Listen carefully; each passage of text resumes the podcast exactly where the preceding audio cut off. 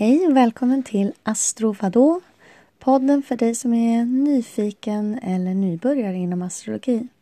Jag heter Amy och i det här avsnittet kommer jag prata om Neptunus. Neptunus eh, är en eh, planet eh, vars symbol i astrologin ser ut som som svärdet som den här guden Neptunus har, tritonen. Så ett kors med Um, som ett upp och nervänt kors med ett U som går över det så att det blir tre uddar längst upp på, på symbolen. Um, den är mest buddy-buddy med fiskens stjärntecken och med tolfte huset. Um, Neptunus går runt zodiaken på 165 år. Så väldigt seg. Det är ju en av våra generationsplaneter. Vilket betyder, som jag nämnde i tidigare avsnitt, att eh, den, det är väldigt många människor, en hel generation, som har Neptunus i samma stjärntecken. Neptunus representerar allt som är bortom det materiella.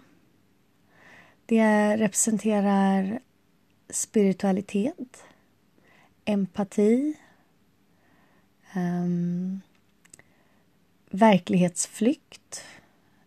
Det representerar där vi eh, känner oss mest um, som att vi kan skala bort alla, alla de här yttre omständigheterna som finns.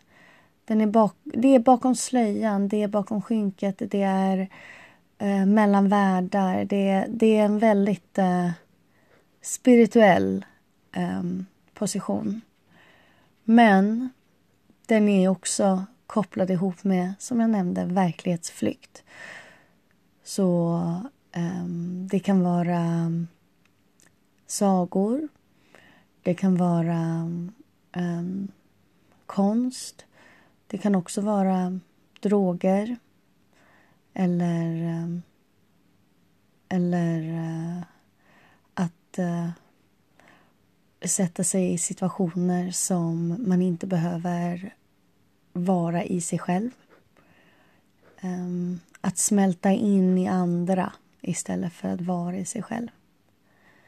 Så precis som med Uranus så sättet som man eh, verkligen kan se hur Neptunus påverkar en själv är inte lika starkt i vilket stjärntecken det är i utan det är det man ser från vad, vilket hus den befinner sig i.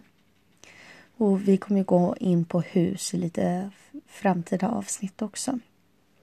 Och jag har kanske inte sagt det här, men jag kommer ju också efter jag har berättat om alla de här olika byggstenarna så kommer jag självklart gå igenom hur allt det här funkar tillsammans, hur man tolkar sin födelsechart. Så det kommer också. Håll i hatten.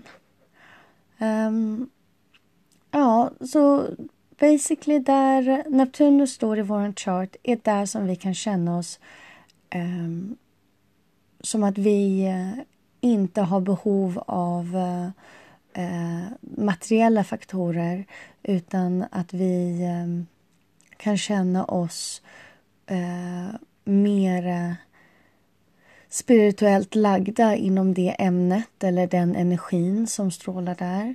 Det kan också manifestera vad vi kan känna oss förvirrade eller ångestfyllda kring. Där vi blir överväldigade av känslor kring det ämnet. Um, eller bara osäkerhet eller vi vill inte ta itu med det och sådana saker. Där vi känner att uh, det, det, vi kan inte röra det för det är för tungt och det är för eh, okonkret. Väldigt okonkret planet. Och beroende på andra faktorer så gillar man saker som är okonkreta eller så gör man det inte alls. Det är lite Neptunus-vibbar. Okej, kort och gott, det är Neptunus. Nästa avsnitt så kommer jag prata om Pluto. Det blir den sista av eh, planeterna av de olika positionerna som jag tänkte prata om här på podden. Efter det så går vi vidare till något annat. Men det tar jag sen. Tack för att ni lyssnade. Hej hej!